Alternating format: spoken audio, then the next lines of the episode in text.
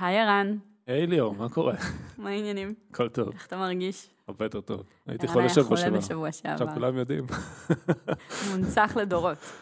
אמ, אז היי כולם, הגעתם לסטארט-אפ פור סטארט-אפ, הפודקאסט שבו אנחנו חולקים מהניסיון, מהידע והתובנות שיש לנו כאן ב-monday.com, וגם מחברות אחרות, והוא מיועד לכל מי שסטארט-אפ מדבר עליו, לא משנה באיזה כיסא הוא יושב ברגעים אלו.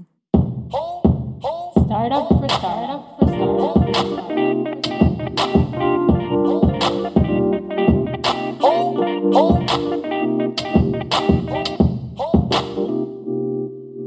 אז היום נדבר על פתיחת משרד בחו"ל.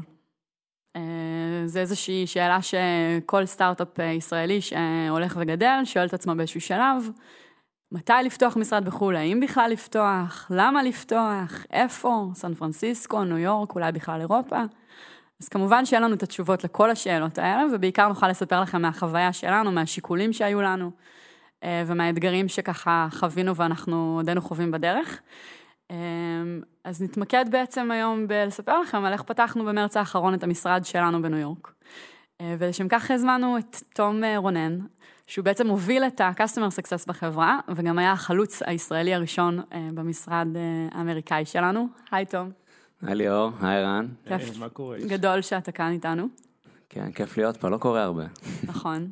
ככה ניצלנו את, ה, את ההזדמנות שתום אה, מבקר בארץ, ווידאנו שהוא לא יוצא מכאן לפני שאנחנו מדברים קצת על מה הולך בניו יורק. מה הולך בניו יורק, תום? קר ומגניב. תמיד קר? תמיד מזג אוויר מחורבן, זה, זה בטוח. גם בקיץ הם מתלוננים, זה מה שיפה. כשאתה עובר לניו יורק, גם בקיץ פתאום נהיה חם מדי. האמת שאני זוכרת שכשטסת, כשעזבת זה היה אחרי פורים, ואני זוכרת ששלחת תמונה סופר מבאסת מניו יורק, זה היה איזה סוף שבוע ממש גרוע מבחינת מזג אוויר. כן, זה היה רגע ש... איזה יום, ערב, סיימנו לעבוד, היינו אז רק ארבעה אנשים. יוצאים ככה החוצה מהמשרד באיזה שמונה בערב, שמיים אה, נקיים, הכל טוב, ולבושים באיזה סוואטשרט אה, קליל. וטן וג'ס אמרו לי, שומע תום, אה, מחר יש מצב שלא נוכל לבוא למשרד. ואני מסתכל, מה, למה, מה קרה, מישהו חולה, מישהו מת? לא, פשוט הולך לרדת שלג. אה, ואני כזה מסתכל לשמיים, אה, ימאי ותיק, אני יודע מתי אמור לבוא סערה. ואין שום דבר, כאילו שמיים נקיים לגמרי. אה, ואני אומר, טוב, בסדר, בוא, בוא נדבר, נראה, נדבר בבוקר, בוא נעשה טלפון בשמונה בבוקר, נראה מה קורה. טוב, הולך לישון, קם בבוקר, שעון מעורר לאיזה שבע, פותח את החלון, הכל לבן. אבל מה זה לבן? לבן ברמה של לא רואים מכוניות, לא רואים את העצים, פשוט לבן, זה היה שוק מטורף. כן, את התמונה הזאת שלחת לנו. כן, זה, מה, ש- זה, זה התמונה Welcome to New ששלחתי. York. כן, baby. בדיוק. זה היה Welcome to New York.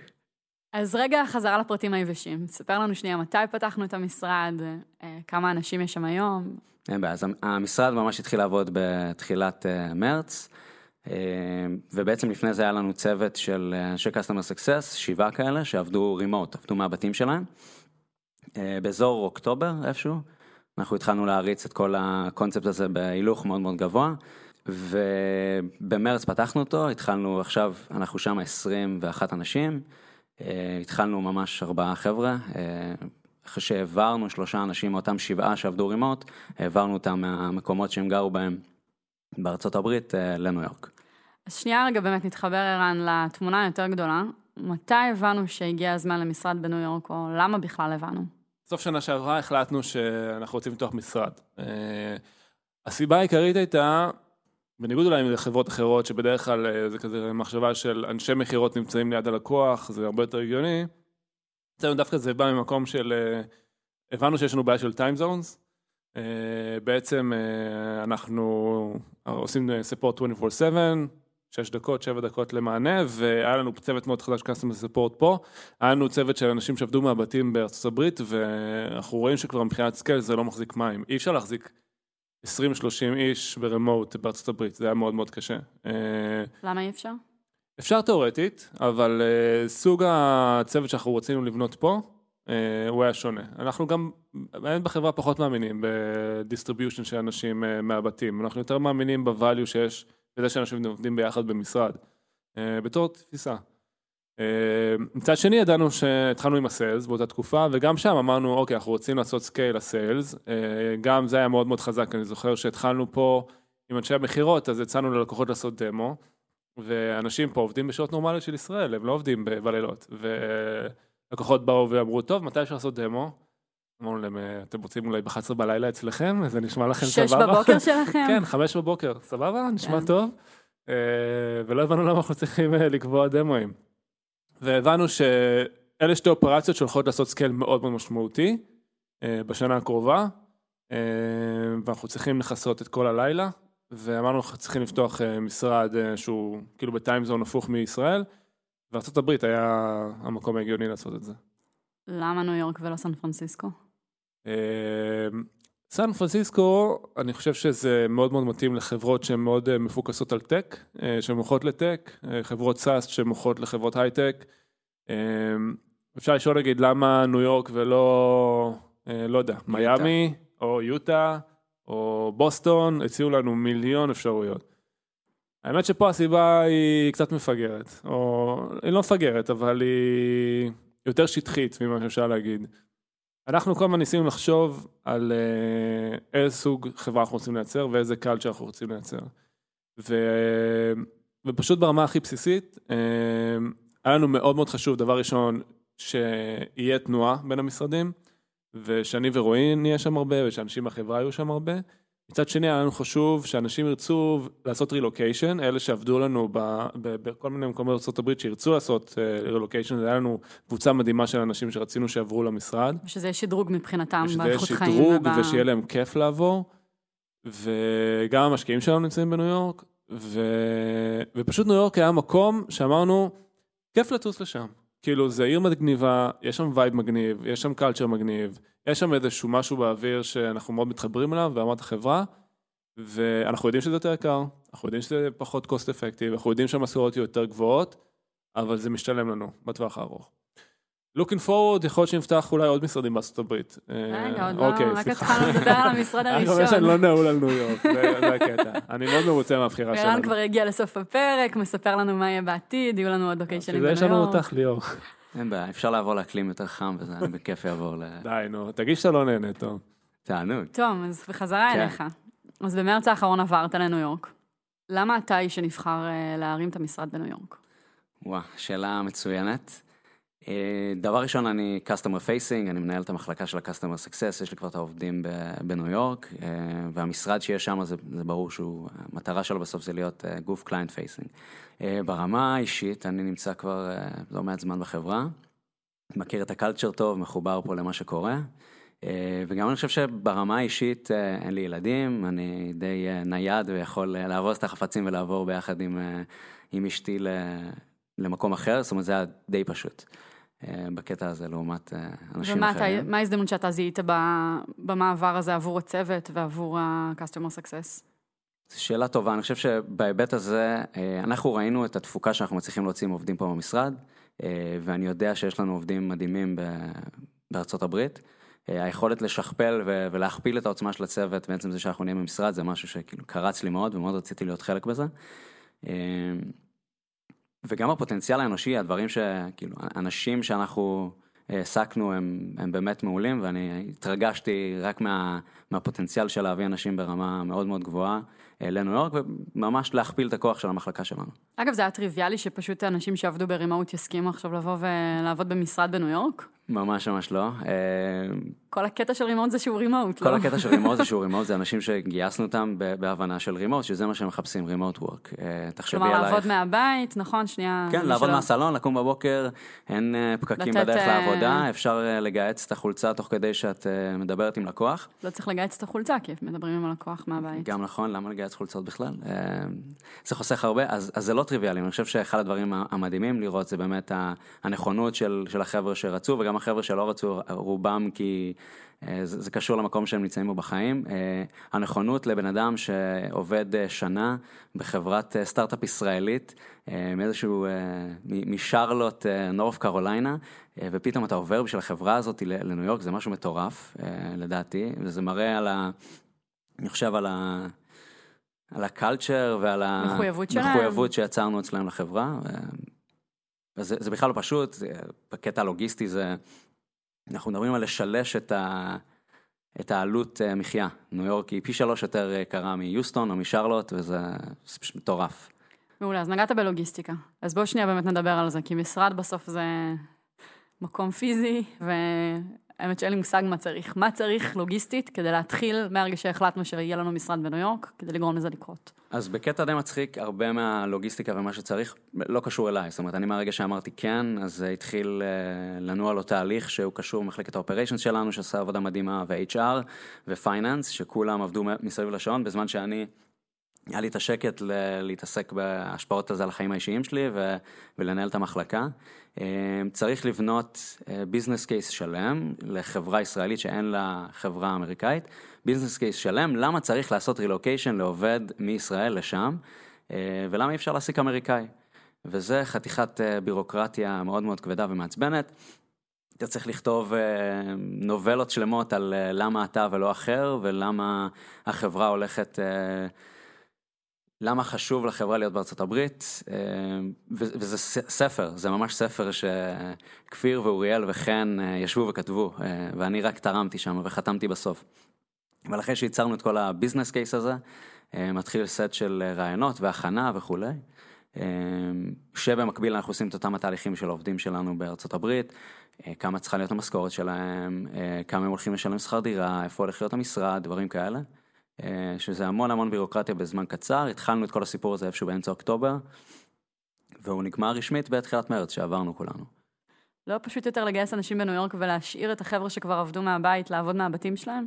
כן, העניין הוא שצריך להתחבר אה, לתחושות שהיה לנו באותו זמן, אני חושב שבאופן כללי, בעיניי לפתוח, לחברה ישראלית לפתוח משרד בחו"ל, זה אחד הדברים הכי מלחיצים שאפשר לעשות. אני, אני ורועי ממש היינו בלחץ מהסיפור הזה.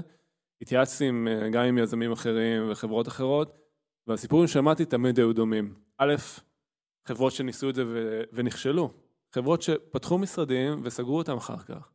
כי היה שם בעיות של קלצ'ר, והיה בעיות שהם לא ידעו מה קורה. חברות שאמרו לי שהם פתחו משרד, אבל הוא לא מתפקד טוב. ופשוט הפחידו אותי מכל כיוון. כל כיוון אמרו לי שזה דבר קשה. וזה דבר קשה. כאילו זה לפתוח משהו שאין מה לעשות, אני ורועי לא נמצאים שם כל הזמן, אנשים מהחברה לא נמצאים שם כל הזמן, וגדל לך איזשהו משהו שאתה לא יודע מה הוא. יש לך פחות שליטה עליו. אין לך בכלל שליטה עליו. ואחד הדברים שהיו חשובים לנו ממש מההתחלה, זה לייצר שם בסיס מאוד מאוד חזק של אנשים שאנחנו סומכים עליהם. בגלל זה הדבר הראשון שעשינו היה לפנות לתום וגם לאהרון מהסיילס, אה, ואמרנו להם, תקשיבו, בעינינו, בשביל כזה הדבר הזה יצליח, אנחנו צריכים שאתם, אה, כאילו, אם, אתם, אם זה מתאים לכם, שתעברו לשם. וגם תום וגם אהרון הסכימו לזה. וזה שהצלחנו להעביר אנשים שעבדו איתנו בארצות הברית, וכבר הם היו פה בישראל ופגשנו אותם וידענו שהם אנשים תותחים ומתאימים לנו מבחינת קלצ'ר, הצלחנו להביא אותם אה, בעצם למשרד, זה פתאום יצר איזשהו בסיס כזה של חמישה-שישה אנשים, שאני אומר, זו קבוצה מדהימה של אנשים, אני סומך עליהם ב, בלב שלם, והם יבנו שם משהו טוב. ופתאום נתן לי תחושה מדהימה של הנה, יש שם את האנשים האלה, הם, הם יבנו שם חברה טובה, אם משהו לא יהיה טוב הם יגידו לנו, אה, שאני אדבר עם תום אה, פעם בשבוע או פעמיים בשבוע, אז הוא יגיד לי מה לא בסדר, ו... תמיד יש את הסיפור הזה על המנהל האמריקאי ש... שאומר הכל טוב, הכל נפלא, ואז כן. המספרים לא מגיעים. יש לי חבר ו... יזם שסיפר לי שהם גייסו מנהל אמריקאי, ובכלל הם לא הבינו מה הוא אומר להם. זאת אומרת, הוא רמז להם בכל מיני דברים, וכל הזמן אמר להם הכל סבבה, הכל טוב, ואחרי שנה הם היו צריכים לסגור את המשרד, כי יש פה הבדלים של קלצ'ר. אני רוצה שתום יבוא ויגיד לי, תשמע, חרא, המשרד לא טוב, המצב לא עובד פה טוב. מה לא בעיות. עובד טוב, כן. מה לא עובד טוב? אה, למה זה לא עובד טוב? מה ההבדלים בין החברה פה לשם? בקיצור, זה, זה, זה בעיניי קריטי. כאילו, בעיניי קריטי להביא את האנשים מהארץ, זה שווה כל, כל שקל ושווה את המאמץ האדיר שזה כרוך בזה. זה לא היה מצליח בלי הגרעין של ג'ס, מאט וטן, שעברו בתוך ארה"ב, זה פשוט לא היה מצליח. משהו אחד אחרון שהוא סופר חשוב, uh, האופרציה פה היא, היא קטלנית. תום אמר את זה בשני משפטים. אני באתי לאוריאל שמנהל אצלנו את האופרציה, אה, ואמרתי לו, תקשיב, אוריאל צריך לפתוח משרד, אין לי fucking מושג איך עושים את הדבר הזה, זה נראה לי כמו הדבר הכי בלתי אפשרי עלי אדמות, והוא עשה את הפרויקט הזה בצורה מדהימה. זה, זה, זה הגיע לשטויות בירוקרטיות כמו שהיינו צריכים להוכיח אה, אה, לרשויות בארצות הברית שיש לנו משרד בארצות הברית, על ידי זה שהיינו צריכים לצלם את הדלת עם הלוגו שלנו, אבל לא יכלנו לחתום על משרד לפני שהייתה לנו חברה בארצות הברית, היינו באיזה deadlock כזה. אלף אלפי בירוקרטיות, אז באמת אוריאל וחן וכפיר עשו עבודה פנומנלית בהקשר הזה, אה, צריך פה אופרציה כבדה בשביל לפתוח. כפיר מהפיננסים כן. וחן חן ממשאבי אנוש. רק ככה, למי שלא מכיר את הנפשות הפועלות. טוב, אז אמרת שהגרעין הראשוני הזה היה קריטי להצלחה. אה, ושוב, אנחנו עוד בתקופה של מיליון ואחד אתגרים, אבל למה אתה אומר את זה? מה, באיפה זה תרם? אחד הדברים הכי קשים עכשיו זה באמת אה, לעמוד ב-scale. אנחנו, אה, עכשיו אנחנו 21 אנשים שם, התחלנו ארבעה, אתה מגייס אנשים מאפס. אנשים שלא מכירים את, ה, לא מכירים את החברה פה, בקושי מכירים את המוצר, אתה ממש מכשיר אותם מאפס. לי ב-level שלי היה מיליון ואחת דברים על הראש עם, ה- עם החבר'ה פה בארץ, עם ה- לקשר בין מה שקורה בארץ למה שקורה במשרד. אה, אני לא זמין בשום צורה לעשות training לאנשים וללמד אותם אה, איך פותחים board ומה קורה שעושים ככה. בתוך שנייה אתה מוצא את עצמך עם יותר עובדים חדשים מאשר עובדים ותיקים, אם אני מבינה בדיוק. נכון את זה, ה-scale. זה לא תוך שנייה, לקח לנו שלושה חודשים, אה, כן, שלושה חודשים להביא את ה-boots on the ground הראשונים, שזה היה אתגר מטורף שאפשר לדבר עליו, שבאמת לקח המון זמן לגייס. בוא נדבר עליו. בוא נדבר עליו. האתגר הכי גדול היה שפשוט אנשים, הם, הם לא מכירים את monday.com. אנשים הגיעו אלינו לראיונות בגלל אה, שהם ראו איזה פרסומת מגניבה ביוטיוב ולחצו ונכנסו וראו, אה, איזה חברה מגניבה, בוא נראה אם הם hiring. בארץ זה לא הסיפור, יש לנו כבר שם, אנשים מכירים אותנו ופשוט הרבה יותר קל. אה, אתה, אתה פה בארץ, אתה בוחר מהרבה קורות חיים של אנשים מאוד איכותיים, יש לך את הלקשרי הזה. שם זה פשוט לא היה מצב. אה, לא הגיעו קורות חיים, קורות חיים לא משהו. אז ו- חשבנו שפשוט פותחים משרד ואנשים יגיעו, ו... כן, חשבנו שאנשים יגיעו. אחד הדברים, אחת הטעויות שעשינו לדעתי זה שכשהבנו שהולך להיפתח משרד, אז אה, ערן אמר לי, אבל מגייסים בניו יורק, נכון? מגייסים בניו יורק. ואמרתי, כן, נגייס בניו יורק, זה נשמע לי מאוד הגיוני, כאילו אנחנו נפסיק את הגיוס remote, אנחנו נחכה שנגיע לניו יורק ונגייס בניו יורק, או שננסה לגייס מהארץ בניו יורק, שזה, שזה פשוט לא עבד. בפועל חודשיים לא ניסינו לגייס, או ניסינו לגייס וזה היה פשוט לעבוד על עצמנו. אה, החודשיים האלה, כמו ב-marketing budget שלוקח אה, זמן ל-ramp up, פשוט הובילו לזה ששלושה חודשים אין לנו שם אנשים. אחד הדברים הראשונים שאני הגעתי לשם לניו יורק והבנתי זה צריך לגייס ומלא, כאילו זה היה כמו איזה רגע מקומיקס שהמוח אה, מתפוצץ וכזה. אנחנו, המצב היה כמו שהוא מבחינת היכולת שלנו לתמוך בלקוחות, נטו כי האנשים שעבדו שם היו אנשים מדהימים, והם החזיקו על הגב שלהם את כל המסות הפניות מהלקוחות. ופשוט הבנו כמה אנחנו חייבים לגייס ומהר, וזה פשוט לא קרה. את יושבת שם במשרד יום יום, את אומרת שזה היה, ככה, שם לך את זה באדום על, ה, על הנוטס, וזה פשוט, זה לא מתקדם. אה, זה האתגר רציני. אה, אנשים שהגיעו לרעיונות כבר כן התקבלו, זאת אומרת, האנשים הראשונים שראינו, הם לא היו מספיק טובים, חד משמעית, כאילו זה, לא- זה לא היה חומר אנושי של, שלנו. אה, לקח זמן, ולאט לאט... אה, מי עשה את הרעיונות שם? בארץ יש לנו HRי תמיד מעורבת אה, בתהליכים, כן, וערן זה- ורועי יכולים לראות אנשים שהם קריטיים. אז התהליך הוא שמת'יו אה, ראיין את החבר'ה הראשונים, אחרי זה אותי, אבל אחרי זה? אתה צריך, מאט זה הטים לידר שלנו בניו יורק, שאחד מהחבר'ה שעברו, העובד הראשון שלנו ברימוט, ואחד החבר'ה שעברו, אה, הוא עבר מיוסטון לניו יורק.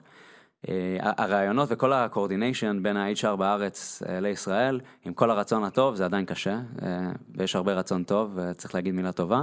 זה עדיין קשה, אתה צריך לעשות רעיונות בזום, ועד שאתה מקבל חוות דעת ומה קורה, ורק להבין מה קורה ב-pipeline של הקורות חיים. קיצור, זה, זה סיבוך, זה לוקח הרבה זמן. זה פשוט לוקח הרבה זמן. זה לא נורא מסובך, זה לא להמציא את הגלגל, זה פשוט לוקח זמן, וזה צריך לקחת את זה בחשבון, לא לקחנו את זה בחשבון.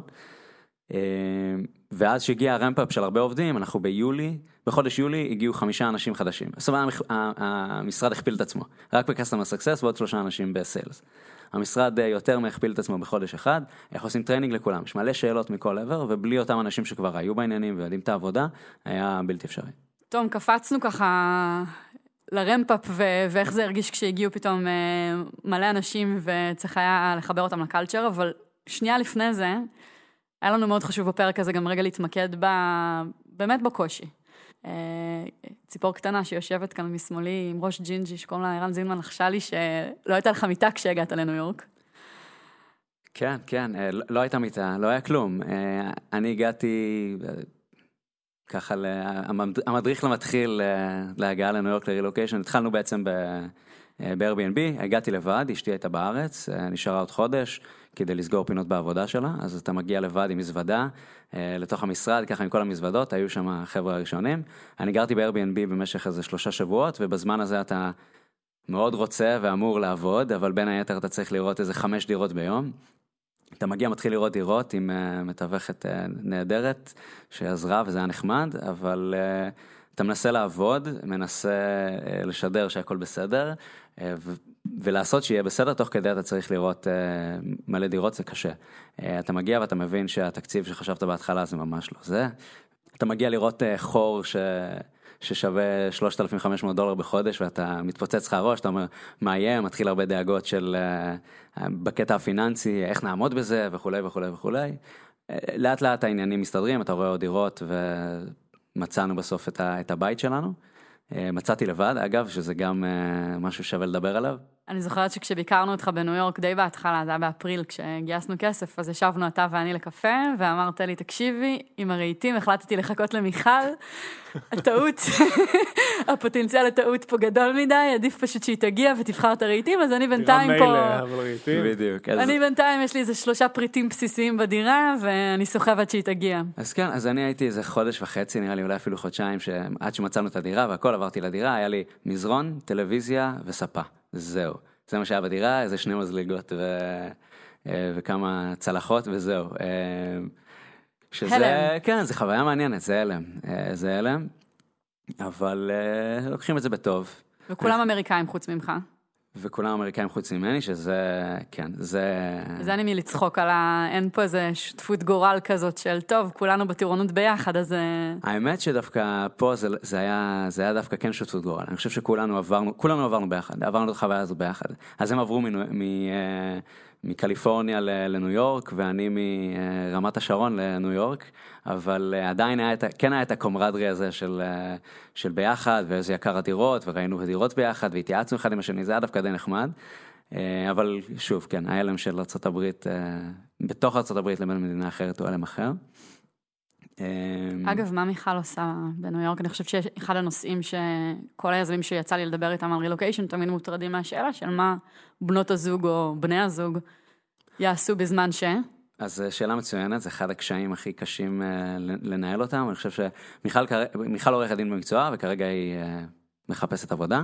הוא היה להיות עורך דין, זה כן, כן. אחד המקצועות שיותר קשה לשמר או להסב בתוך... אה, כן, זה מקצוע. קשה להסב אותו, יש, יש את. השוק הראשוני זה שאתה בכלל לא יכול לחפש עבודה או, לעבוד, כי לקח איזה כמעט ארבעה חודשים עד שהיא קיבלה אישור, ואז זה מין זמן כזה שאומרים לך, טוב, אתה תעצור ותהנה מהחיים רגע, וזה מה, שוק. את לא נהנית מהחופש? כזה, אה? אז כן, בדיוק, אה, ונהנים מהחופש, ובאיזה שלב כבר מתחילים לטפס על הקירות. יש איזו אשמה. כזאת גם? יש, יש, יש אשמה גם לפה וגם לפה, כי זה קשה. אה, וגם לי. כאילו, אחד הדברים שפתאום נפלו לי זה שאנחנו משפיעים על חיים של אנשים. כאילו, אמנם תום, הוא בחר לעשות את זה, אבל אנחנו ביקשנו ממנו והשפענו על החיים שלו, וככה גם אהרון ועוד אנשים שעשו פה רילוקיישן. ולא רק זה, הם גם עברו עם הבנות זוג שלהם, אנחנו משפיעים עליהם, ובנות זוג אה, עזבו עבודות, וצריכות למצוא עבודה. ניסינו לעשות כמה שיותר, אה, שיהיה מצנח קל, אז מן הסתם שדרגנו לכולם את המשכורות, אז עשינו התאמה גם לתום וגם לאהרון למשכורות שמשקפות הברית, עשינו סקרים לראות כמה הם אמורים לה- להרוויח הברית, ועזרנו להם גם עם השילוח של הדברים לשם, ובונוס בשביל שיהיה להם זמן למצוא אה, דברים, ואתה פתאום מבין שהחברה אחראית לחיים של האנשים האלה, וגם לבנות זוג.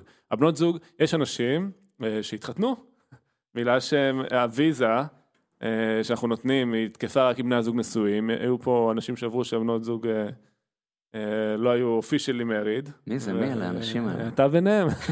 עכשיו זה לא שאני לוקח אחריות על זה שתום ומיכל התחתנו, אבל אה, אי אפשר, אה, הם התחתנו, חלק מזה, אולי תזמון הושפע בגלל זה שהם עברו לפה. אני הגשתי לכפיר אה, אקספנס ריפורט על הטבעת. זה- ואז איזה אסימון נופל. אה, גודל האחריות פה, שמן הסתם אנחנו אחראים לחברה, אבל פתאום, אה, כאילו אני ורועי השפענו על אנשים, ואני רוצה שיהיה להם טוב. כאילו, ואני כל פעם שואל אותו, נו, איך הולך, ואיך למיכל? פתאום יש עוד מישהי שהיא לא עובדת חברה, שאכפת לי ממנה מאוד, כי חשוב לי שיהיה לה טוב, כי אני יודע שאם אליי יהיה טוב, גם לתום יהיה טוב, והפוך. אז אה, זה, זה בעצם איזושהי אחריות על, על משפחה, הופכת להיות, במקום אחריות על, על מישהו שעובד פה בחברה. אה, שזה גם מעסיק אותי. כאילו לוודא שלאנשים טוב במקום החדש. אגב, לא התייחסנו לזה בכלל. אה, לך או לרועי עבר בראש אה, לעבור לניו יורק בעצמכם? שאלו אותנו את זה, חשבנו על זה והגענו למסקנה שזה לא נכון. אנחנו, אחת ההחלטות שקיבלנו זה שאנחנו לא רוצים לפתוח בניו יורק או במקום אחר, כרגע לפחות, לא פיתוח ולא product ולא design, גם לא marketing. וזה הדברים העיקריים שאנחנו מתעסקים בהם ביום יום, אז כרגע החלטנו שלא. והאמת שגם העובדה שתום עבר לשם ואהרון מה, מהחברה פה, זה היה חלק מהשיקול. אולי הם, לא- הם לא היו עוברים ולא היה לנו מישהו כזה, אז היינו חושבים אחרת, אבל זה שאנחנו סומכים עליהם ונמצאים שם, זה מבחינתי הרגיע אותי זה מאוד. שתום שם מאפשר לך להיות כאן, בגדול. אה, כן, לא אגיד אחד לאחד, אבל אה, זה מאוד מאוד אה, אפשר את זה, בוא נגיד ככה.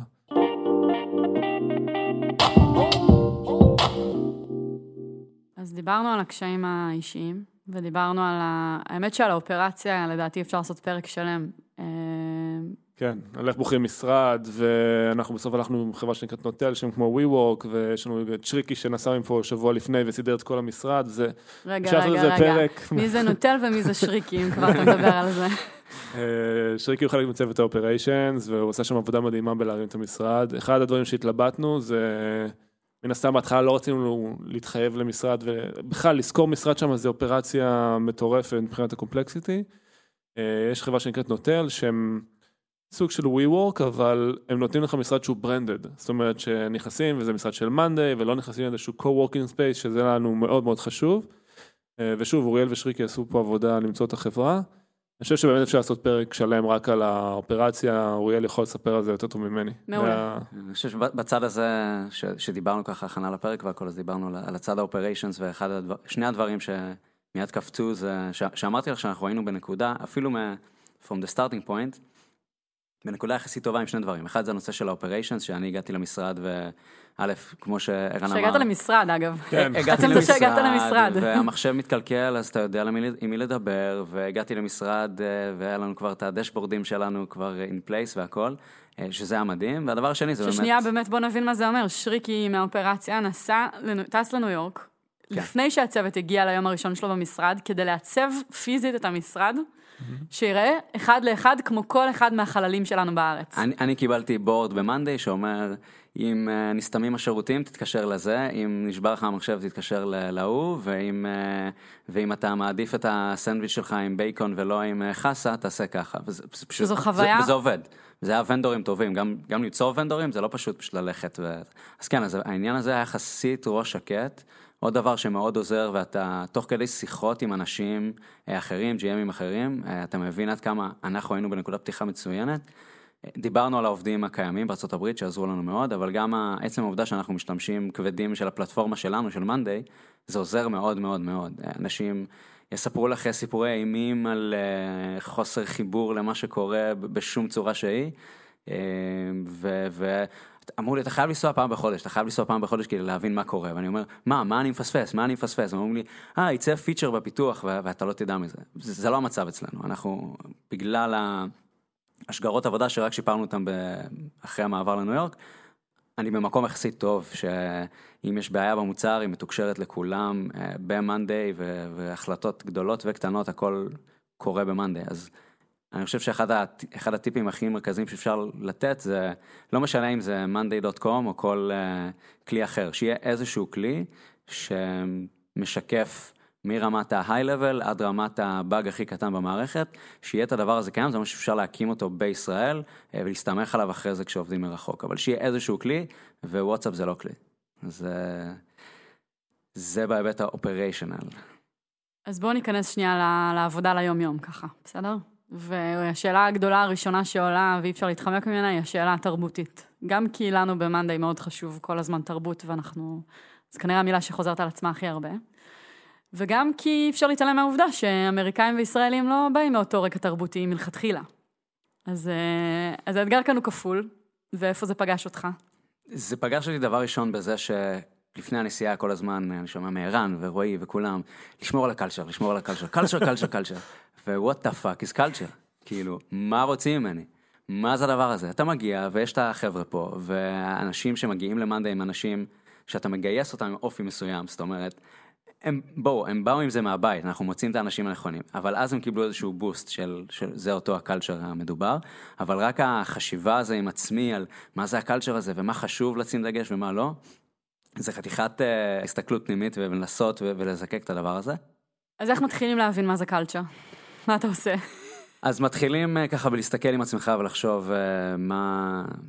להסתכל, לחשוב על האנשים המוצלחים בחברה אצלנו אה, ומה מה עושה אותם ככה, אה, מה עושה אותך בן אדם שנבחר אה, להישלח לשם וכולי. הרבה שיחות עם, עם אנשי, עם בנות ה-HR אצלנו ועם ערן ורועי סביב הדבר הזה כדי לנסות להבין מה זה הדבר הזה. וגם not to overthink it, כי אני נסעתי שם בתוך מחשבה של צריך לגייס את האנשים הנכונים, האנשים שבאים איתי עם אנשים שכבר בקלצ'ר, ו-we'll figure it out על הדרך. Um, צריך להיות uh, עם יד על הדופק, ואנחנו נבין מה זה יותר ויותר. איפה המציאות פגשה אותך והבנת שזה יותר מורכב ממה שחשבת? אז המציאות פגשה אותי, אני חושב, בדבר ראשון, ב... ברגע שהתחלנו לגייס עוד, אה, עוד אנשים, אנשים שלא ידעו מה זה מאנדיי מלפני, לא אותם חבר'ה רימוט, או לא אירון שהגיע מהארץ ומכיר היטב את הקלצ'ר, ברגע שאתה מביא בן אדם חדש, שנכנס למשרד של שישה אנשים, בנוטל כזה שזה חצי co-working space, חצי משרד ברנדד, זה לא המשרד פה שיש לנו בישראל. אה, ואתה מבין, הם לא, הם לא מבינים שיש אופרציה של 100 אנשים בארץ ואת הטירוף שקורה שם. ואני חושב שהדבר הראשון שעלה זה השעות עבודה. אמריקאי שמגיע הוא מצפה שתגיד לו אתה מתחיל בשעה א' ואתה מסיים בשעה ב' ואז תלך הביתה נגמר היום עבודה. אה, וזה היה אתגר גדול כי אצלנו הכל נורא פלואידי ואם יש לך הרבה עבודה אז תישאר הרבה ואם אין לך הרבה עבודה אז תישאר פחות. ו- ויש יעדים וכולי אני חושב שאחת הנקודות שככה זה הפיצוח אה, כזה אישי שלי ו- ולהבין מה קורה ו... רגע, מה פיצוח? לא הבנתי עדיין אז מה קרה שם. אני אגיד לך מה קרה, תום מתקשר אליי, אה, חודש אחרי שהוא נכנס שם למשרד, אמר לי, תשמע ערן, אה, כולם הולכים בחמש בערב הביתה, מה אני אמור לעשות? שש. שש. מה אני אמור לעשות? פשוט קמים והולכים, אומרים לך ביי. העט נופל בשש, העט נופל בשש, אה, החבר'ה שהגיעו שכבר היו הרבה זמן בחברה אז זה לא ככה, אבל החבר'ה החדשים שהגיעו, כן, העט נופל בשש, ואומרים ביי, ואתה אומר, מה אני עושה לא בסדר? אני עושה משהו לא בסדר? אה, מה זה, זה לא מה שאני מכיר. כי מה עובר לך בראש באותו רגע? ששע... שזה שהם הולכים מוקדם זה אומר שלא אכפת להם? זה או... אומר שלא אכפת להם, זה אומר שאין להם מספיק עבודה, זה אומר ש... אה, הם לא מחויבים מספיק? לא מחוברים אולי? כן. תראי, ב- ב- ב- בס- ב-mindset הישראלי, אם המנהל שלך נשאר אה, יותר זמן, אז תישאר, כאילו, אתה לא תלך ככה... זה יותר מזה, ב-mindset הישראלי הסטארט-אפיסטי. בואו שנייה נדייק את זה, כן, אנחנו בתוך סטארט-אפ שזה... נכון, אין, נכון. אין טיים זונס, כאילו. וגם בוא נדייק את זה, זה לא שאנשים גם פה בחברה לא הולכים בשש וזה גם בסדר, בשש. זה פשוט משהו שהוא היה שונה תרבותית. ממש... שהוא לא באוטומט? זה משהו שהוא שונה בתרבותית, שהוא לא באוטומט, אני חושב ש... אז, אז באמת השאלה שאתה מתחיל לשאול את עצמך זה, אוקיי, הבן? אדם הולך בשש, אה, למה? ולמה זה רע? זאת אומרת, מה- העניין? אנחנו חברה שהיא goal oriented מאלף עד תף, אה, ובואו, ב-customer success ו-sales, קל למדוד הצלחה. יש את כמות הטיקטים שאתה עושה, יש את הסקר שביעות רצון, יש את הקוואטה שאתה צריך להגיע אליה, יש כמה לידים עברו משלב לשלב, זה מאוד מאוד פשוט לראות האם הבן אדם הוא מוצלח או לא. הבעיה היא שזה לא כזה פשוט בזמן ה-training. אה, והדבר שהכי פחדתי ממנו זה לא אה, ללחוץ על ההדק אה, בשלב, לא למצוא לעצמי שאני לחצתי על ההדק בשלב מאוחר מדי. בזמן ה-training קשה להבין האם הבן אדם הוא, הוא טוב או לא טוב, והיעדים זה לא מה שמשחק תפקיד, ופה בארץ אתה רואה את האנשים שנשארים, נותנים עוד שעה, נשארים יותר מאוחר, זה סוג של אינדיקטור כביכול טוב, להאם הבן אדם מחובר, האם הוא בא לתת עבודה, האם זה אחד שאפשר, אה, שזהו, עשינו את הדבר הנכון. אתה מבין שזה די bullshit. אה, אחרי, אה, אחרי חודשיים שעבדנו בצורה שעבדנו, עם הרבה אמונה בדרך שלנו, בדרך של הניהול ושל החניכה ושל העבודה peer to peer, עם הרבה אמונה, ראינו שמהר מאוד הצוות של ה-sales, היטינג דר קווטה וביג טיים, והחבר'ה של ה-customer success הם נותנים עבודה בטירוף, ואם צריך אותם עכשיו שייתנו עוד שעה בין 10 בלילה ל-11 בלילה, כי המערכת חס וחלילה נפלה, זה לא קורה הרבה. אה, אז, אז הם נותנים את העבודה הזאת. מהבית. מהבית, אה, כן. ואתה פשוט מבין ש... זה לא משנה, זה לא משנה אם הבן אדם מגיע בתשע והולך בשש, זה לא אינדיקטור לכלום. מה שהאינדיקטור הכי טוב זה ה-goals, והאינדיקטור הכי טוב זה שעות חירום. אה, מי מתגייס כשצריך. בדיוק. אה, אחד הפחדים זה שאתה לא יכול לביים, אני נעשה להם דריל, נעשה תרגול, אה, שעת חירום, בוא נראה מה קורה. אה, אז זה מפחיד, אבל אני חושב שהחזקנו חזק בכיסא, האמנו במה שאנחנו עושים, בדוגמה אישית ובלהשתמש בדשבורדים שלנו כדי להציג מול הפרצוף של כולם. מי טוב, מי פחות טוב, אה, ומה היעד, ומה היעד האישי, ומה היעד של החברה. אה, וזה משהו שהוא, האמנו בו באמת, והוא השתלם בסוף. אה, צריך אה, גם לדבר הזה, כמו לכל דבר, לעשות scaling.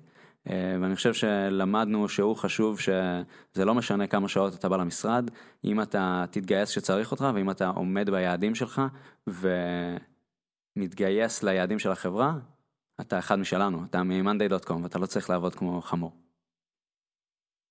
בכלל לא כתוב כאן בשום מסדרון אה, work hard, play hard או משהו מהסיסמאות לא האלה. רשום פה כלום במסדרון, אבל גם לא את הדברים האחרים. לא, אבל פה מהארץ אתה... כן, אבל אנחנו לא דוגלים בזה, אנחנו לא זאת דוגלים אומרת, בזה, אה, לא. חשוב הרבה להגיד את יותר זה. חשוב האימפקט, כאילו בעיניי, אנחנו לא מאשר השעות. צריך, כן. צריך להגיד, הרבה יותר חשוב האימפקט, אבל כשאתה מגיע לפה, ואני חושב שעובדים חדשים שמגיעים לפה ורואים אותם מסביב, מאוד מאוד קל לטעות ולחשוב שזה זה החברה. הדברים שתום נתקל בהם, אני גם נתקלתי בהם. לפני ארבע שנים שהתחלנו את החברה, או, חמש שנים שהתחלנו את החברה, אבל את אותם דברים גם. זאת אומרת, התחילה החברה והיו אנשים שהלכו מוקדם, וחשבתי עם עצמי, רגע, אני עושה משהו לא טוב, אני צריך להניע אותם יותר, או הבנתי פתאום אולי שהמטרות לא ברורות, או שהגוז לא ברורים, או שהם לא מחוברים מספיק למה שהם צריכים לעשות, ואת אותו תהליך לידה אה, והתעצבות שעברתם שם בארצות הברית, עברנו בעצמנו כחברה. אה, no that long ago, אבל זה קרה. אה, זה פשוט קורה שוב, והיום אתם נמצאים במקום מאוד מאוד טוב. ויש גם למה להשוות היום, זה אולי חלק מהעניין. כן, יש, יש את יש היום החברה איזשהו להישען עליה. רפרנס של אה, לאן אתה רוצה להגיע. כן. אחד, אחד הדברים ש... למרות שרגע, אני רוצה להגיד על זה עוד משהו, אני חושבת שתום, ממה שאתה מתאר, גם הדרך שפתרת את זה בסוף היא לא להגיד זה חייב להיראות אחד לאחד כמו בישראל, נכון? נכון. בעצם במקרה הזה שתיארת עכשיו, הפתרון אה, שהגעת אליו עם עצמך הוא שזה בסדר שהם יקומו בשש וילכו. כן, זה בסדר, ואני חושב שהפתרון הוא שזה באמת, אה, שוב, אני חושב שכמו שאמרתי מקודם, היה לנו בסיס טוב, והבסיס הטוב הזה זה באמת אה, אה, מטריקות מאוד ברורות, דשבורדים שמציגים את היעדים של החברה, וחיבור אה, אמיתי לחבר'ה בארץ, אה, שיחות אה, ביחד וכולי, אז אה, כן. כן, ערן, אבל ההבנה הזאת שזה לא הולך להיראות אחד לאחד, איך אתם אה, מתמודדים איתה, אתה ורועי? זו שאלה מאוד טובה, כי כאילו יכול להשתמע מתום שאנחנו רוצים לקחת את הקלצ'ר פה ולעשות לו קופי פייסט לארה"ב. אה, וזה לא העניין. זה לא משתמע מתום, זה משתמע מזה שתום. טס וצעק בדיוק, והיה לו באוזניות אה, 24-7 נכון, קלצ'ר. נכון. לא, אני, אני הייתי בקלצ'ר, אני הייתי בלחץ, הייתי בקלצ'ר, הייתי בלחץ באמת שייווצר שם משהו שונה. והיום אני גם התפכחתי ואני מבין שזה בסדר שיצא שם משהו שונה, כל עוד אנחנו מתקדמים ביחד כחברה, ומתפתחים ביחד כחברה.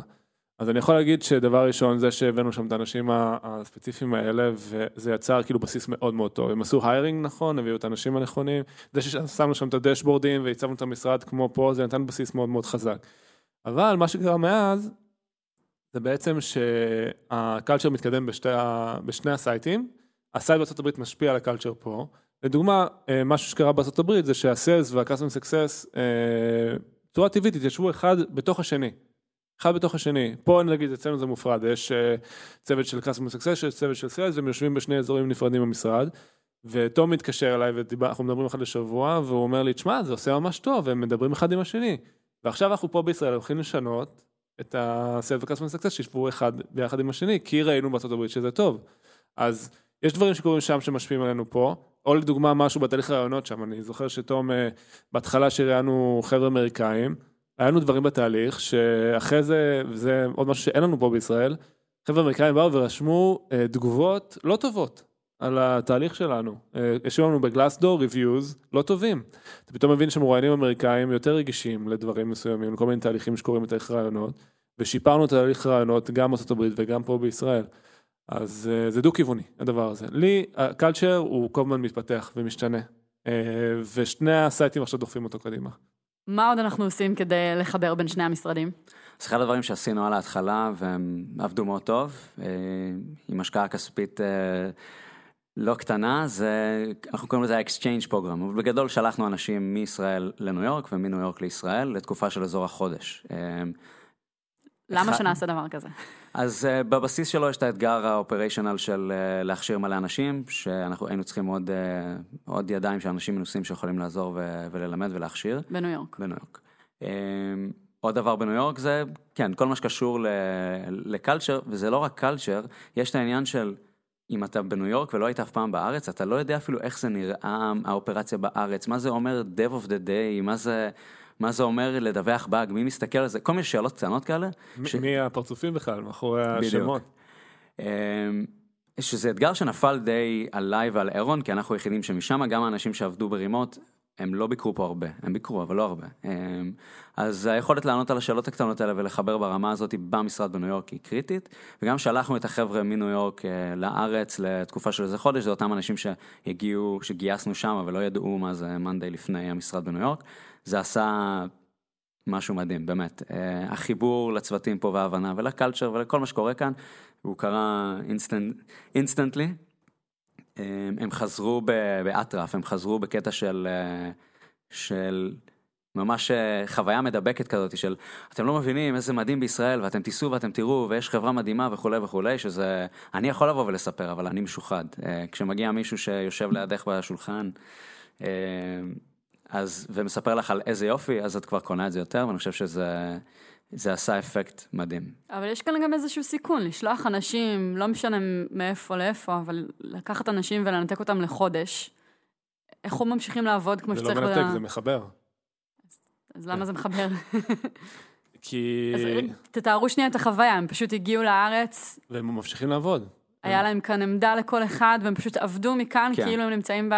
כן, עבדו מכאן כאילו נמצאים שם, לא עבדו את השעות האלה, הם עבדו כמו איש סיילס ישראלי. אה, צריך לה, להבין שזה ממש הימים הראשונים של המשרד, אנחנו, לפעמים אתה לוקח רגע, לוקח step back, אומר, טוב, אז האופרציה של הסיילס 24/7 ייקח לה חודש, אבל היא תהיה הרבה יותר איכותית, וזה היה מין אה, ככה צעד אחורה לטובת אה, לתת ספרינט קדימה.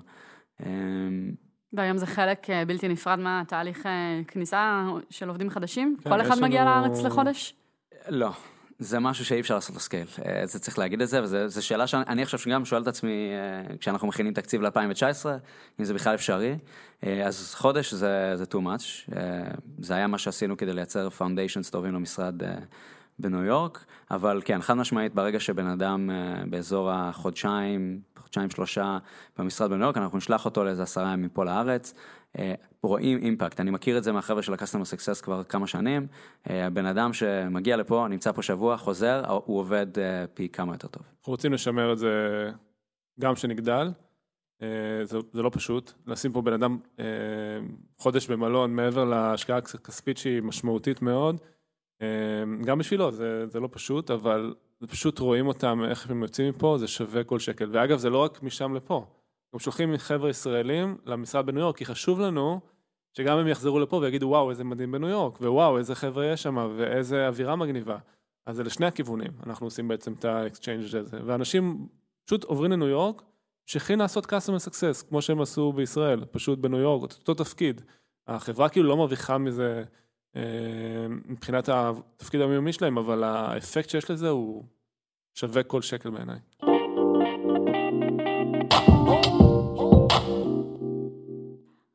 אז מה עוד אנחנו עושים כדי אה, ככה לקרב בין המשרדים? אז אחד הדברים שעשינו זה בעצם להעתיק את השגרות של, אה, שקורות פה בארץ, אם זה weekly meeting או company meeting או דברים כאלה. אה, אחד הדברים המצחיקים זה היה איך אפשר לתרגם את זה ל- למשרד אצלנו, למשל אנחנו עושים את הישיבת פתיחת שבוע שערן עושה פה ב-10 בבוקר אה, ביום ראשון, אז אצלנו זה בחמש ורבע בבוקר ביום שני, אה, סליחה, חמש ורבע בערב. לא בבוקר, שלא יחשבו שאנחנו פה. כן, רציתי להגיד, בסדר שילכו בשש מתחילים בעיה, בחמש. כן. כן, צריך להגיע לזה. חמש ב... חמש ורבע ביום שני. אה, חמש ורבע בערב, למה? כי רק אז נרגעים הלקוחות, אתה מגיע למשרד פה בישראל, וכשאתה עובד עם לקוחות, אז יום, יום ראשון בבוקר סנדיי זה צ'יל, זה סבבה, אפשר לשבת לעשות ישיבות עד מחר. כשאתה מגיע ב Monday morning בניו יורק, אה, תשע בבוקר זה לחץ מטורף ולא אי אפשר לה, להעסיק עכשיו את אה, אנשי ה-customer success וה-sales בישיבה גם אם היא רבע שעה. אז רגע, מה- זה מעניין, מה קורה בישיבה שלכם? אתם מדברים רק על דברים פנימיים של sales ו-customer success? אז, אז זה משהו שבאמת ככה, אה, שאפשר לקרב בין המשרדים. אנחנו לא מדברים רק על customer success ו-sales, אה, אני יושב ואוסף אה, הרבה חומרים של מה שקורה מסביב לחברה, בכל המחלקות, במרקטינג, ב product אה, וכולי. אחד הדברים הנחמדים דווקא זה שיש קבוצה של איזה 20 חבר'ה, שיש להם גישה עכשיו. אה, דרכי בעצם למידע אה, שהוא הרבה יותר high-level. אם היום יש גבול למה ערן יכול עכשיו אה, להעמיד את כולם ב-10 בבוקר ברבע שעה כזה של update ולדבר איתם, אנחנו בפורום קטן יותר, אתה פשוט יכול להעביר יותר חומר. ונוצר מצב יפה שהחבר'ה בארצות הברית הם אפילו יותר מחוברים ב-high level למה קורה בחברה ולתהליכים שקורים בחברה. אה, בזכות זה שהם יכולים לשבת ולהשקיע עכשיו אה, חצי שעה 40 דקות ולדבר על אה, מצב ה-conversion to paying או איך הולך להשפיע עלינו באנרים בגרמנית על ה- על ה-customer success ועל ה-sales. אז זה תהליך נחמד שעזר לחבר, וזה פשוט לקחת את הזמן ולהשקיע ב-weekly updates האלה ולעשות אותם טוב. נשמע שזה דורש ממך הרבה עבודת הכנה. זה דורש, כדי לדעת מה ההשפעה של הקמפיין בגרמנית על ה-conversion. זה דורש, ואחד הדברים שאנחנו לא עושים טוב זה באמת איך זה לא נופל עליי, ואיך אנחנו מערבים את uh, ראשי המחלקות האחרים, או כל בן אדם אחר מצוותים אחרים ולעשות את זה. Uh, זה דורש ממני להרים את הראש רגע מהמים, ושנייה להסתכל ברמת ההיי-לבל ולהבין שאפשר לעשות את זה קצת אחרת. כן, אתה גם מציב פה את ההבנה שהתפקיד של הוויקלי מלכתחילה הוא שונה שם מהתפקיד שלו כאן. כאן אם זה באמת ביום ראשון בבוקר איזשהו איפוס שיכול לקחת גם רבע שעה, וברוכים הבאים לעובדים חדשים, אתה מדבר על צורך אחר של בכלל רגע להיות חלק מ, ממשהו שהוא גדול יותר, נכון? כן, כן, זה... זה הרגע שמדברים מה R&D, ומדברים על הדיזיין, ומדברים על כל מיני דברים שלא נוכחים פיזית. נכון, אז, אז מדברים על, פשוט צריך לתת קצת מעבר, ואם מראים איזה פיצ'ר שמישהו פיתח, אז אתה תראה גם את התמונה של הבן אדם הזה, כדי שהם יראו מי זה, אולי קצת זה יעזור בהבנה של מי נגד מי, ואתה תזרוק שזה... קצת מורקים זה- על הבן אדם. כן, טיפה זה יבגני עיצב וזה אבירם פיתח. לא יודע מה זה יעשה, אולי זה יעזור. אמ, אז אתה מצליח להשקיע, פשוט להעביר יותר חומר, אה, וזה קריטי, כי צריך, פשוט צריך להכניס את זה בצורה מלאכותית, זה לא יקרה, הם לא יעברו מעל השולחן של יבגני ויראו בסקאץ' את הפיצ'ר הבא שהולך אה, להיות מפותח. אני צריך להיכנס לסקאץ', לתוכנה שבה הם אה, מעצבים את הכל, אה, ולהראות להם ככה זה אולי הולך להיראות, כדי, בסוף אני נותן להם תחמושת ואנחנו נותנים להם כלים ללכת ועכשיו להצליח לסגור עסקאות, וללכת ולתמוך ב- בלקוחות הכי טוב. זה מאוד מעניין, כי גם אחד הדברים שאנחנו מאוד גאים בהם, וזה ניכר בכל הפרקים שהקלטנו עד עכשיו, זה ההוליסטיות של התהליכים כאן. זה שכולם מחוברים להכל, כשדיברנו, כשהקלטנו את הפרק של ה-customer success עם שחר, אז כמה שה-CS קשורים ל-R&D, וכמה שמפתח יכול לשבת עם מישהו ובעצם לקבל פידבק מהלקוחות מאוד מהר ולהטמיע, ו- וזה באמת משפיע על כל, ה- כל ההלך רוח, זה כבר לא רק קלצ'ר, זה ממש אה, המצוינות שאנחנו מביאים למוצר. זה אה, הכל, אה, זה נכון. מה אתה עושה עם זה? כאילו פתאום את נפל לי את האסימון לא- כזה את ש... זה עוד לא פיצחנו, את זה עוד לא פיצחנו שם. את היכולת באמת להעביר את ה... מה שהיום הוא added value, אה, שאנחנו רואים אותו כ-added value, למשל, מה יוצא מפגישה פנים מול פנים בין Customer Success Manager ללקוח? זה לא קורה פה בארץ, כי לקוחות הם לא גדולים ואסטרטגיים כמו שהלקוחות שיש לנו בארצות הברית, ובארצות הברית זה קורה. אז איך אתה משדר את זה אחורה לישראל, ואיך מייצרים את החיבור הזה? איך מייצרים את ה... איך אנחנו משלבים איש customer success אה, טוב כמו שאנחנו משלבים אה, פה בארץ בטסק פורס. זה לא אפשרי, אנחנו הרי לא נעשה קיק אוף, או את ה kick off אנחנו כן נעשה בחמש בערב, אבל ישיבת אה, ככה daily של הצוות אה, שעובד על ה forms feature, אתה לא תעשה את זה עכשיו בארבע בצהריים רק כדי לחבר איזה בחור שם בארצות הברית. זה שאלות ש... שעוד לא הצלחנו לענות עליהן טוב, אה, זה לפרקים הבאים.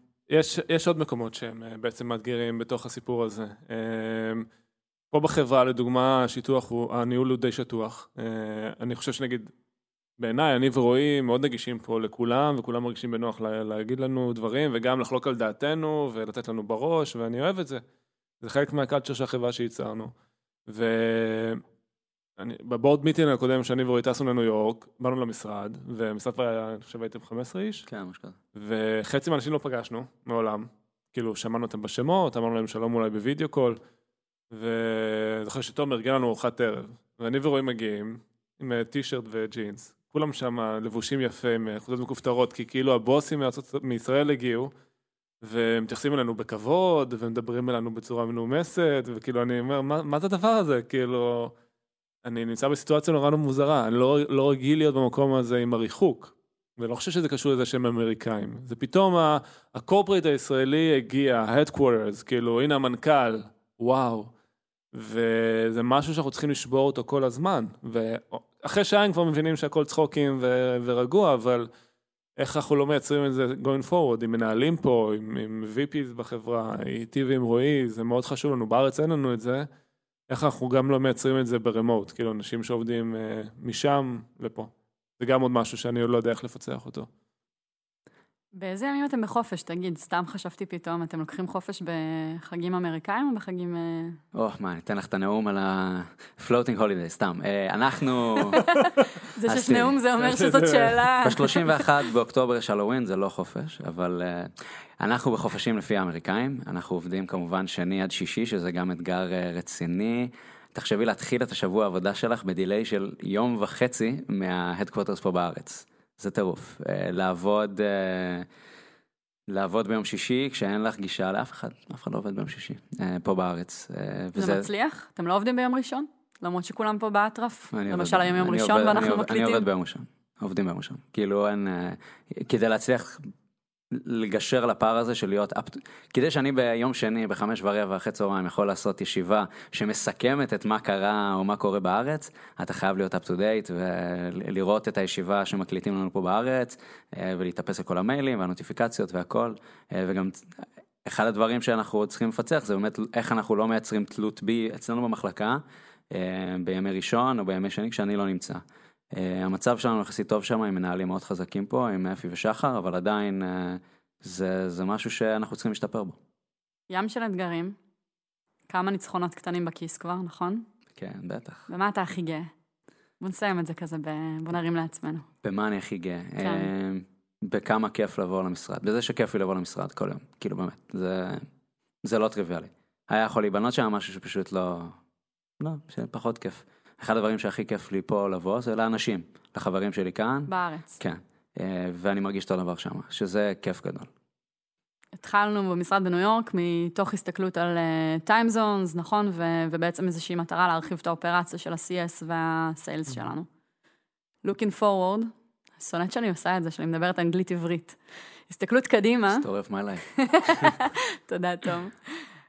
יש, אה, יש חשיבה על אה, התרחבות לתחומים נוספים בחברה, לדברים נוספים שאפשר לעשות בניו יורק? אה, כשהתחלנו זה היה רק customer success ו sales, אני יכול להגיד שנגיד עכשיו אנחנו הולכים להעביר את פעילות ה-PR שלנו לשם. יכול להיות שיש לנו גם איזה שהם ניצנים של סוג של מרקטינג, אולי brand marketing. אנחנו כרגע עדיין מאוד נעולים על העניין ש product, R&D, design, אנחנו לא רוצים שיהיה שם. אבל אני יכול להגיד שכרגע מה שהכנסנו לרכז את כל ה-customer facing שיש שם בארצות הברית, אז כל מה שנכנס תחת הקטגוריה הזאת זה make sense, כאילו כרגע, מבחינתנו. תום, אם יש מישהו שככה הולך לעשות, גם ברמה האישית אגב וגם ברמה, אתה יודע, המקצועית, אם יש מישהו שעושה רילוקיישן עכשיו, יש לך איזה שלושה טיפים ככה לתת לו? וואו. אפשר אה, ארבעה, אפשר שניים. אה, להתחייב למספר. לחשוב איך אפשר כמה שיותר לפני הנסיעה לייצר אה, בסיס טוב שעובד בלעדיך. בקטע של האופריישנל ובקלצ'ר, זאת אומרת, לחשוב אם עכשיו שולפים אותך מהמקום שאתה נמצא בו ואתה הולך לחופש לחודשיים, האם הכל מתקתק כרגיל או לא. אם לא, אז בוא ניקח רגע את הזמן שצריך כדי לייצר את המצב שיהיה ככה. אה, לעשות את החושבים הזה לפני, אם זה ההגדרות האלה של הקלצ'ר וכולי, אמ, לייצר לך מצב שאתה יודע מה היעדים שלך, איך שאתה מגיע, 1, 2, 3, מה צריך לעשות. אמ, כי להתחיל להתאפס על זה תוך כדי שאתה שם זה קשה. אמ, ומה עוד? ברמה האישית המנטלית, לעשות הכנה טובה עם הבת זוג, עם המשפחה, עם כולם, אה, ולראות שכולם באמת רוצים, עושים את זה במקום טוב. ערן, אם יש אה, איזשהו פאונדר שככה שואל את עצמו אם הגיע הזמן לפתוח משרד בניו יורק? כן. אז uh, לא לעשות את הטעות הקלאסית של uh, להביא מישהו אמריקאי שינהל את זה למרות שזה הברית. Uh, להשקיע בזה, כאילו להשקיע כסף ומשאבים בשביל להביא אנשים כמה שיותר שיבנו שם את הדבר הנכון. ולהשקיע גם ביום יום, להבין שזה לא רק ההשקעה של הפתיחה, זה ongoing investment, אה, לייצר את החיבור הזה כל הזמן. זה, עד היום ראינו ROI מדהים על הדבר הזה, ובעיניי זה קריטי שהדבר הזה יצליח. ולהבין, והטיפ השני זה להבין שחברה אחת לא צריכה לכפות את עצמה על, על, על site אחר, אלא זה פתאום עוד חלק מה, מהלב של החברה, והם ביחד צריכים להצליח. אז אה, זה משהו שהוא ש- סימביוזה, שהוא לא משהו שצריך להיות copy של משהו אחר. לתת לזה מקום. תום, איזה כיף שהצטרפת אלינו. כיף להיות פה. תבוא לבקר אותנו יותר. תודה, ערן. תודה ליאור. תודה שהאזנתם. Startup for startup for Oh, oh.